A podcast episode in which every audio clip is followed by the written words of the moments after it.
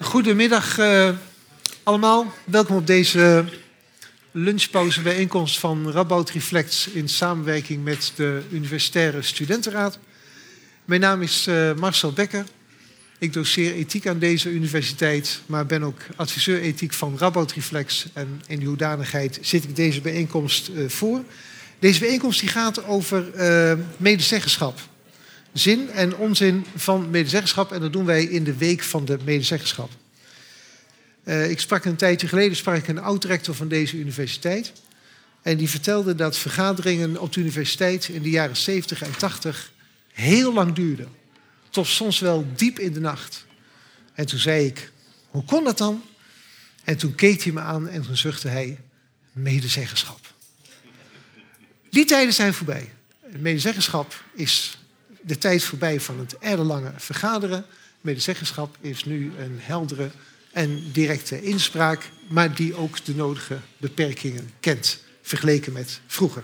Daarover gaan we praten met uh, een drietal gasten. Ik zal ze zo meteen aan u voorstellen, maar eerst even de opbouw van deze bijeenkomst. Uh, we openen over. Uh, ik zal de gasten introduceren met een korte vraag, die ze niet van tevoren doorgezeind hebben gekregen. Na die voorstelronde gaan we over twee stellingen discussiëren. En de bedoeling is dat we over stelling 1 en 2 hier achter de tafel discussiëren. En het laatste kwartier van de bijeenkomst is voor jullie om naar aanleiding van wat je gehoord hebt om reactie te geven. Je mag nog wel even tussendoor over de stellingen stemmen. Goed, laat ik beginnen met het introduceren van de eerste gast. Dat is politiek filosoof Jeroen Linsen. Meneer Linsen, als u naar voren wilt komen. De derde gast is er nog niet, maar dat weerhoudt ons er niet van om met de eerste gast te beginnen. Kom maar iets dichterbij staan, uh, Jeroen, aan de tafel. Uh, meneer Linsen, uh, u bent politiek filosoof. U hebt de nodige ervaringen in medezeggenschap. ik ga u niet vragen hoe oud u bent, maar ik durf in te schatten dat u al een aantal jaren meeloopt op deze universiteit. Mag ik uw reactie op de volgende stelling, nou ja of nee op de volgende stelling, de huidige studentengeneratie is veel saaier dan het activisme van mijn studententijd. Ja. Nuance mag later, hè? maar uh, fijn, bedankt. Uh, de tweede gast is uh, van Badi Selmani. Kom maar naar voren. U bent voorzitter van de FSR, voor, voorzitter van de studentenfractie van de USR. En u voert daar 14 mensen aan, heb ik uh, begrepen. En daarnaast studeert u rechten. Uh, hoeveel studiepunten moet u dit jaar halen van uw studie terwijl u dit werk daarnaast doet? Om een beurzen te behalen ja? of uh, 18? 18. Ja. ja. En kunt u zoveel tijd besteden, besteedt u meer tijd of minder tijd dan de bedoeling is in uw werk als voorzitter van de USR? Ik, spreek, ik steek er minder tijd in dan zou moeten, vind ik zelf. Minder tijd dan zou ja. moeten? Ja. Ja, oké. Okay. Dus het lukt wel met die 18 studiepunten? Ja, uiteindelijk wel. Ja. Maar daar moet ik nog wel even mijn best voor doen, ja. Oké, okay. ja. Dat werk voor de USR, doet u dat graag met het een of het ander beantwoorden? Nuance mag straks wel. Doet u dat uit idealisme of doet u dat voor eigen cv uh, opbouwen? Ik studeer rechten, nee, niet het tweede. Gewoon omdat ik dat heel leuk vind omdat ik dat leuk Gewoon vind. Omdat dat en, leuk en de leukheid en omdat is... ik graag iets beteken voor iedereen die hier zit. Elke nou, student fantastisch. die hier zit. Ja. U mag dit straks nog nuanceren natuurlijk. Ja. uh, u ziet dat de derde gast is uh, mevrouw Wilma de Koning, vicevoorzitter van het college van bestuur. Uh, ze is er nog niet. Ze zou hier wel elk ogenblik aan kunnen komen. Ik stel voor dat wij gewoon naar de eerste stelling toe gaan. En dat ik vast jullie twee over die eerste stelling pols. Stelling 1. Medezeggenschap vindt plaats buiten de FGV en UGV. Wie is het daarmee eens? en wie is het daar niet mee eens? De rest. Zo goed als de rest. Goed. Uh, mevrouw Selmani, kunt u uw mening over die stelling geven? Dat kan. Um, ik merk dat de meningen verdeeld zijn. Dat betekent ook dat ik een vrij genuanceerd antwoord ga geven. Ik denk dat een deel van de medezeggenschap zich bevindt uh, via middels de formele weg, de UGV-vergadering, de FGV-vergaderingen. Maar ik denk dat ook zeker uh, wel een proces daaraan voorafgaand bestaat. Dus door met elkaar gewoon te spreken, te sparren, uh, min of meer te onderhandelen, elkaar te inspireren. Dus ik denk wel dat beide een rol spelen. Hoe gaat dat in concreet in zijn werk? Eh, spreken, onderhandelen, inspireren. Wat moet ik me daarbij voorstellen? Heeft u inspiratiesessies met de rector? Of hoe, ja, uh... ja, dat kan. Nou, hoe gaat zo'n sessie? Bijvoorbeeld, we willen iets verbeteren op het gebied van welzijn.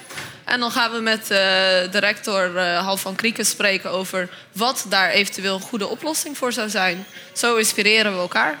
Ja. En, dan, en dan heeft hij daar altijd tijd voor? Hij maakt er tijd voor, ja. we hebben één keer uh, in de zes weken, als ik me niet vergis, uh, overleg als presidium. Dus de, ik als voorzitter, vicevoorzitter en secretaris met Han van Krieken. En dan spreken we daarover. Wij stellen de agenda op, dus ja. Ja, ja. En, en tijdens de besluitvormingsroute, als dingen zich gaan aftekenen die u, niet zo, die u niet zo wenselijk vindt... dan weet u ook de Kamer van de rector of de voorzitter makkelijk te vinden? Jazeker. Het is ons ook wel verteld dat we dat moeten doen. En dat doen we ook. Ik weet niet of ze dat altijd heel leuk vinden, maar dat doen we wel. Nou, dan komt u net op tijd binnen, mevrouw Wilma de Koning, om hier antwoord op te geven. Maar uh, laat ik even Wilma de Koning, uh, vicevoorzitter van het college van bestuur van deze universiteit. Fijn dat u er bent. Ja, uh, acclimatiseer even de kou. Excuus het is hier dat ik wat later ben, maar ik maak graag tijd. Formeel en informeel. ja. mag ik u toch even introduceren aan de hand van een vraag waar u in slechts in één zin een reactie op mag geven? We leven aan een hele genuanceerde universiteit, weten we. Maar graag even de, toch één reactie op deze zin. Uh, besturen zonder medezeggenschap is natuurlijk wel veel efficiënter. Um, nee, daar ben ik het niet mee eens. Niet mee eens? Nee, ben ik het niet mee eens. Oké. Kunt u dat toelichten? Dan um, in twee zinnen?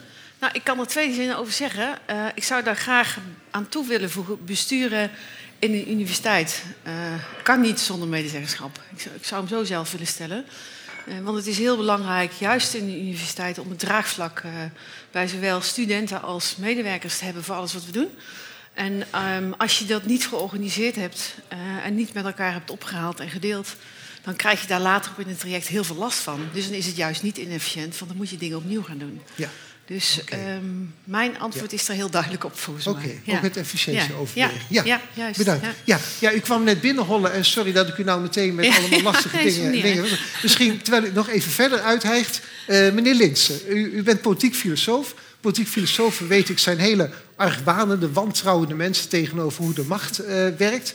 Uh, wat, wat vindt u van de sterke informele kant van het besluitvormingscircuit... die er ook blijkt te zijn?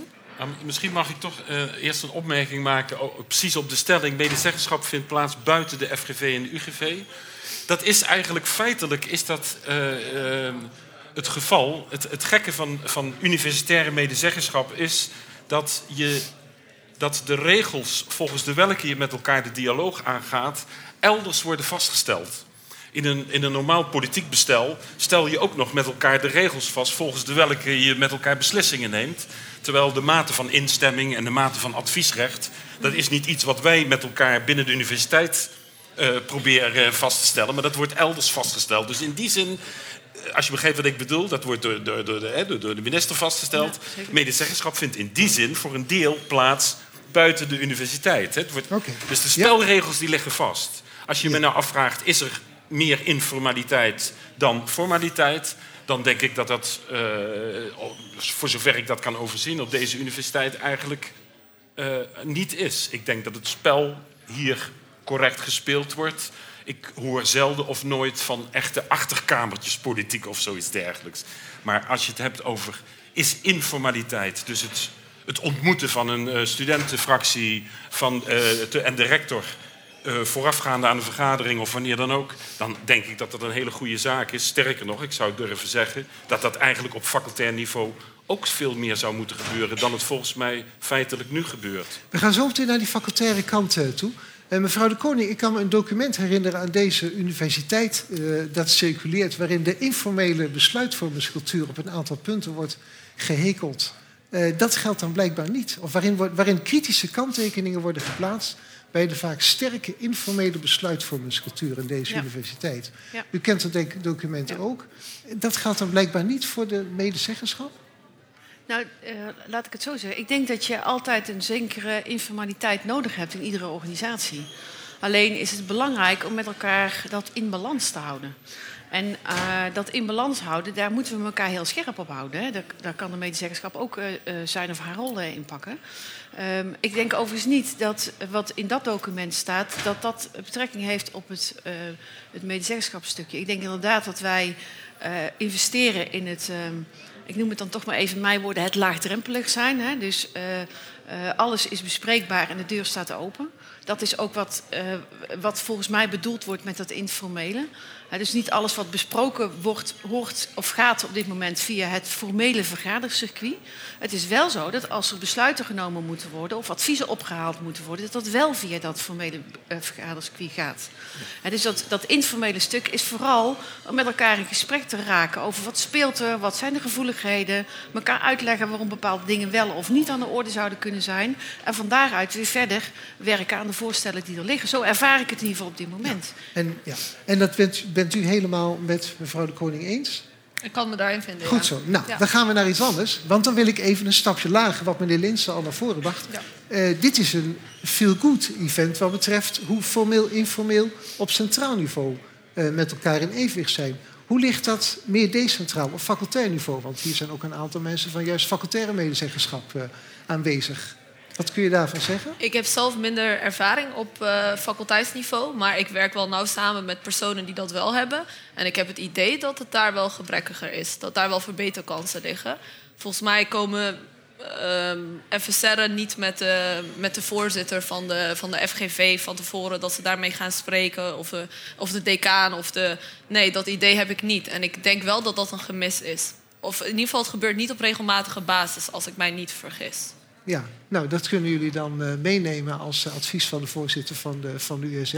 Dat dat nog uh, nou, wat verbetering behoeft. Ja, meneer Linsen, dat is ook uw ervaring in medezeggenschapstrajecten, want u bent dus ook zelf ook in actief geweest. Nou ja, ik denk dat het, dat het, dat lijkt mij voor een college van bestuur heel prettig, maar dat lijkt me ook voor een bestuur van een faculteit heel prettig om niet totaal verrast te worden door een bepaalde positie van de OR of de studentenfractie. Dus in die zin lijkt het mij heel verstandig om minstens. Uh, en, en, ik meen dat op sommige faculteiten dat ook gebeurt, maar om minstens een agenda-overleg te hebben. En zo eens af te tasten bij de verschillende partijen die aan tafel zitten. Van, goh, hoe gaan jullie daar, hoe, gaan jullie met betrekking tot dat punt uh, in de FGV of in de UGV uh, aan de slag? Dus in die zin lijkt me zo'n soort voorgesprek lijkt mij uh, belangrijk, zowel voor de bestuurder als voor degene die, uh, ja, die de, het bestuur controleert. Ja, Je weet van elkaar al een beetje waar, welke kant het op kan gaan.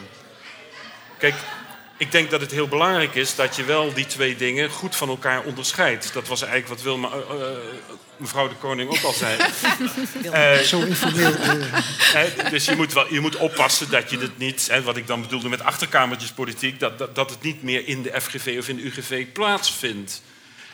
daar moet het politieke spel echt gespeeld worden. Daar heb ik overigens ook nog wel een opmerking over. Omdat ik, ik, voor zover ik dat zie, ik zit zelf niet in die FGV op dit moment. Ik heb er wel lang in gezeten. Ik ben lang voorzitter van de OC geweest, de Politische faculteit. Uh, wat, wat volgens mij te weinig gebeurt, is naast dat informele, is wat te weinig gebeurt, is precies ook het hele formele. Ja. Waar ik erg voor altijd ben, is dat er ook daadwerkelijk, ook in een FGV, in de UGV zal het vaker gebeuren, maar ook in een FGV gewoon gestemd wordt. Dus op een bepaald moment ben je uitgediscussieerd. En dan moet je ook het, het, het, het politieke spel spelen zoals we dat gewoon kennen. En dan hebben we daar ook die 40, 60 procent verhouding in zo'n FGV voor. Maar dan moet je dat ook gewoon aandurven. En ik zou dus altijd, als ik, als ik in de studentenfractie zou zitten... of hoe, noem je, hoe noem je dat, studentenraad? Of in de OC. Dan, ik, ik deed dat ook altijd. Ik zei voorzitter. En toen de tijd was de decaan altijd de voorzitter. Dat is nu gelukkig ook niet meer, dus dat is wel mooi verdeeld. Voorzitter, nu zou ik graag een stemming willen. En uh, dat, dat, dat, is niet om, om. Maar dat is gewoon even om het, om het politieke moment ook echt zijn plek te geven. Van hoe, ja. hoe staat het precies? Nou, dan kun je soms zien dat een bepaald, stand, dat een bepaald punt niet unaniem gedeeld wordt. Nou, ja, dat, is, dat schept helderheid. Als ik mag aanvullen. Kijk, het is uh, een illusie om te denken dat er alleen maar voorstellen liggen. Maakt niet uit of dat nou op de facultaire tafel is of op de universitaire tafel, waar iedereen het mee eens is. Uh, wat, wat, ik, wat wij heel belangrijk vinden, is dat we in ieder geval kunnen uitleggen waarom wij het voorstel doen wat we doen. En soms weten we dat dat niet op steun kan rekenen van iedereen. En dan wordt het spannend. En dan is zo'n stem, stemmingsinstrument, als ik het zo mag noemen, dat is er niet voor niks. je, je, kan niet alleen maar dingen doen waar iedereen het 100% mee eens is. Dus zo'n zo'n formeel instrument kan helpen om dan toch tot een besluit te komen. Wetende dat niet iedereen het ermee eens is, maar wel onder voorwaarden. Want dat vind ik echt heel belangrijk. Dat je het altijd kan uitleggen wat je doet en waarom je het doet. Ja. Uh, ik heb dus zelf vernomen dat binnen best wel wat FGV's niet gestemd wordt. Mhm. dat, dat proces dat probeert men te voorkomen. Uh, er wordt naar een compromis gezocht en een stemming liever niet. Dus inderdaad, dat, dat aspect ontbreekt. Maar in uw raad is het zo dat er wel eh, regelmatig scherpe politieke verhoudingen worden uitgetekend aan de hand van een stemming? Wij stemmen veel vaker. We hebben gisteren nog gestemd uh, tijdens uh, een gezamenlijke vergadering. Ja, wij stemmen dus vaker. Jullie, er zit wel een voorbeeldfunctie wat betreft de zachte kant, het informele, als wat betreft de harde kant, het stemmen. Kan op decentraal faculteitsniveau nog wel het een en ander geleerd worden van datgene wat in de UGV gebeurt, begrijp ik? Ik denk dat wij veel kunnen leren van FSR, maar andersom denk ik dat ook, ja. Ja, dat is een heel mooi antwoord, uh, natuurlijk. Uh, mag ik daar misschien ja, nog iets op aanvullen? Want uh, wat ik aan de UGV-tafel vaak merk, is dat wij ook vragen krijgen over hoe gaat het in faculteiten. En uh, dan worden wij ook ineens heel formeel, want dan zeggen wij van luister, die vraag moet je niet aan deze tafel stellen, die, tafel, die vraag moet je stellen aan de facultaire tafel. Um, en dan uh, uh, bemerk ik bij mezelf ook nog wel eens dat ik denk van ja, hoe gaat dat spel daar? Hoe wordt dat daar gespeeld? Worden die vragen daar dan ook wel gesteld? Want als ze daar gesteld zouden worden, zouden ze niet hier gesteld hoeven worden. Dus uh, uh, dat betekent inderdaad dat we misschien met elkaar eens moeten kijken van hoe kunnen we nou zorgen dat ook bij faculteiten, en ik zeg niet dat het op de universiteitsniveau allemaal perfect gaat, maar dat we van elkaar kunnen leren. Want uh, op faculteiten gaan andere dingen goed die wij misschien wat beter zouden kunnen doen omgekeerd. Maar ik denk wel dat daar nog wel een, een pad te bewandelen is met elkaar. Ook bij de tweede stelling heb ik de termen graag weer even, even terug. Ik wil een kleine nuance toevoegen. Ik sluit me daarbij aan. Ik denk alleen dat het wel lastig is dat als je van de uh, eh, FSR naar de USR wordt gestuurd. En als de USR het oppakt, dat dan wordt gezegd dat het bij faculteiten moet. En dat zie ik nog wel eens. Dat op faculteiten wordt gezegd, nee, dit is hogerop. En uh, dat hogerop wordt gezegd, nee, dit is toch echt decentraal. Dat is ja. lastig. Ja. Uh, mevrouw Samai, het medezeggenschap kun je in verschillende fases van het besluitvormingproces hebben. Mm Een informele route lijkt me bij uitstek geschikt om in het traject dat de besluiten zich gaan aftekenen. Maar er is ook een achteraf goedkeuren of niet goedkeuren als een besluit er ligt. Uh, vindt u dat in alle fasen de medezeggenschap even sterk haar stem kan laten horen? Dus ook in die laatste fase, en het echt, bijvoorbeeld in Groningen is het nu gebeurd, dat echt in ja. de laatste fase door de medezeggenschap grootste plannen zijn afgeblazen. Zou zoiets ook in Nijmegen denkbaar zijn? Ik denk het wel. Ik denk wel dat het best wel ver moet gaan. Dat er iets moet gebeuren waarvan wij echt met z'n allen moeten denken van dit gaan we niet doen. Um, volgens mij hebben we dat tot nu toe niet zo heel vaak ervaren. Of in ieder geval niet de laatste jaren of dit jaar nog niet. Um, maar als dat gebeurt, ik denk zeker dat dat mogelijk is. Ik hoop natuurlijk dat het niet zo ver komt. Het is ook mijn, uh, mijn doel om het nooit zo ver te laten escaleren. Ja, maar de politiek filosoof hoopt misschien wel dat het zo ver komt. Ik wil even terug naar uw motivatie voor, de, voor de eerste... Als uh, casus. Als Even terug naar uw, uw, uw, reactie op mijn eerste stelling. Uh, fijn dat u zo duidelijk zei: ja, die huidige generatie studenten is wat slapper dan van mijn activisme. Kunt u dat iets toelichten? Nou, ik bedoelde dat. Ik denk dat wij in die zin. Uh, in, en ik spreek echt over een hele lange tijd geleden. Ik heb de accu nog mee opgericht. Dus dan begrijp je hoe lang dat geleden is. Want dat, bestaat, dat ding bestaat al. 30 jaar geloof ik, hè, die, uh, die club. Uh, 40. 40. Ja. Kijk. Ben ik al zo oud? ja, nee, dat is... en, ja, zeggen wij dan. Uh, ja. Wij ontkennen niks. En ik, ik, ik, denk dat wij politieker waren. En daar bedoel ik mee dat we dat, dat, dat, dat, dat. Wij dwongen echt af van. Wij willen dat er nu gestemd wordt. En dan hadden we al gepeild. En dan wisten we dat er ook een aantal van. Dat heette toen niet de OC, maar dat was dan de docentenfractie. met ons mee zouden stemmen. En dat was in die zin politieker, begrijp je? Dus we maakten daar meer gebruik van. Wat we ook deden, en wat ik ook zelden zie, uh, of weinig zie. dat is dat wij tijdens zo'n vergadering, en of dat nou de FGV was of de toenmalige UGV, dat we tijdens die vergaderingen minstens zes keer een time-out vroegen.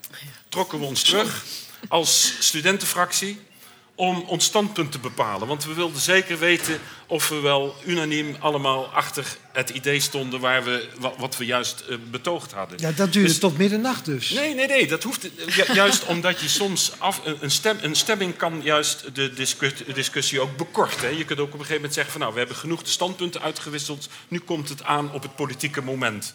En... Uh, maar zo even zo'n time-out aanvragen, dat, ik denk dat dat gewoon hele normale en goede dingen zijn in de politiek. Die moeten we er gewoon ook in de medezeggenschap in, in, eh, inhouden. Dat moet ook gewoon een decaan en ook dus de voorzitter van het college van bestuur... die moeten begrijpen dat, dat die, die fracties die daar in die raad zitten... dat die zo nu en dan even overleg willen hebben. Ja. En dan is het helemaal niet raar om drie, vier, vijf keer in zo'n vergadering dat, dat in te bouwen. Ja. Maar dat geldt dan ook voor niet alleen voor de fracties, het geldt ook voor het bestuur. Dat geldt even, even, goed voor het bestuur. Dat geldt Kijk, voor alle partijen. Het, eh, op het moment dat het bestuur zegt: wacht even, wij hebben de indruk dat het toch best goed is wat hier door de studenten gezegd wordt. Maar we willen even met elkaar in conclaaf om na te denken wat dat, wat dat amendement betekent. Nou, dat lijkt me, ja, dat, dat, dat is goede politiek. Zo, zo moet je het bedrijven volgens mij. En dan worden we allemaal beter van. Dus in die zin zou ik de, de, juist de, de, de, de, de, de wijze waarop we met elkaar in die raad zitten, moet natuurlijk vooral goede dialoog zijn, stevige discussie. Maar vervolgens moet je ook aanvaarden dat je het niet over alles eens kunt worden. En dan moet je dat soort elementen wel inbouwen. Ja, dat betreft de vaardigheden. Bedankt voor deze adviezen. De volgende stelling heeft precies ook op die vaardigheden betrekking de leden van de medezeggenschap ontbreekt het aan de juiste kennis. En laten we de kennis maar eens even breed opvatten. Ik kijk toch even naar het publiek. Wie van jullie is het eens met deze stelling? Wie van jullie is het niet eens met deze stelling? Oké, bedankt. Uh, mag ik mevrouw de Koning vragen als uh, eerste om hierop te reageren? Um, nou, als ik had moeten reageren zonder dat ik de handen had gezien, dan had ik gezegd: eh, ze hebben wel de juiste kennis. Wat ik wel zie is dat, um, zeker bij wisselingen, dat nieuwe leden van de medezeggenschap echt in een rol moeten groeien. dus het is niet iets wat je. Uh, het, ja, ik mag toch het woord spel ook wel gebruiken. Hè? Het is dit toch ook wel een soort spel. Je moet de spelregels weten, je moet de dossiers kennen. Uh, en het, soms is het veel. En ik merk gewoon ook dat dat, dat hè, dus, uh, uh, het, het, feit dat de tijd vaak ontbreekt om, om zaken goed te doen, dat speelt ooit bij ons, maar dat speelt ook bij de leden van de medezeggenschap. Als dat bedoeld wordt met de juiste kennis. Nou, dat, is een, dat, is inderdaad een van de dingen. Ik kan me voorstellen, een college zit er altijd een langere tijd, de mensen. Kom je daar net in september aan, ben je in januari ingewerkt, ga je weer afbouwen. Ja. Ten eerste, Samari? Ik kan dat helaas beamen. Dat is, dat is wel hoe het gaat. Um, je, je leert het meest van, van dit vak door het te doen, door ervaring.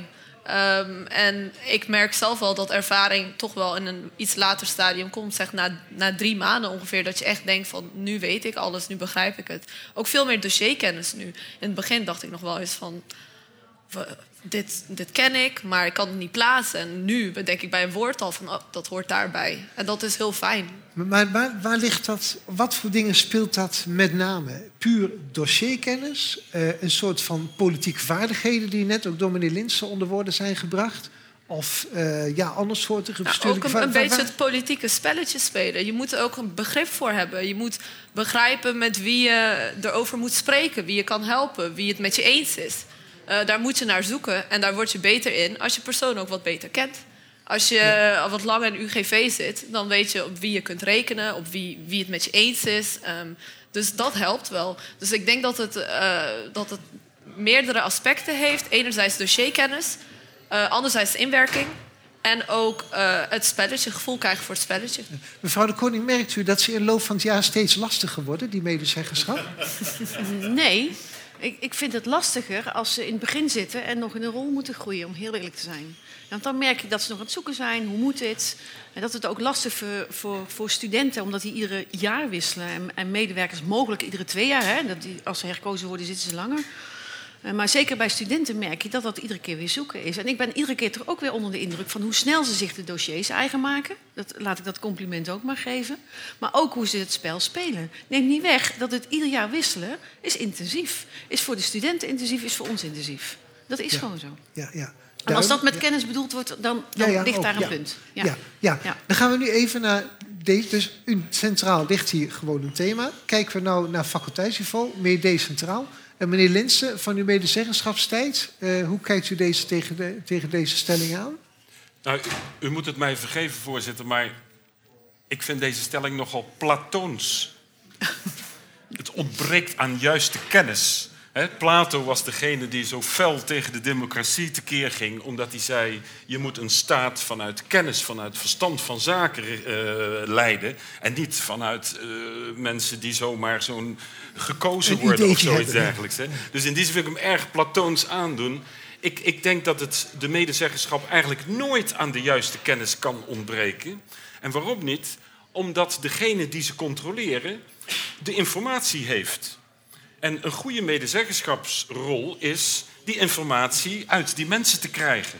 En als jij het niet begrijpt, of als jij toevallig geen tijd had om het dossier helemaal te studeren, dan is er mevrouw de Koop- altijd tijd voor Jij gemaakt, hebt er tijd, tijd voor altijd, ja. maar stel dat je dat niet zou hebben, dan is er altijd de collegevoorzitter of de vicevoorzitter of misschien iemand anders, een ambtenaar, die het gewoon ter plekke kan vertellen. Ik vind dat ook echt altijd moet kunnen.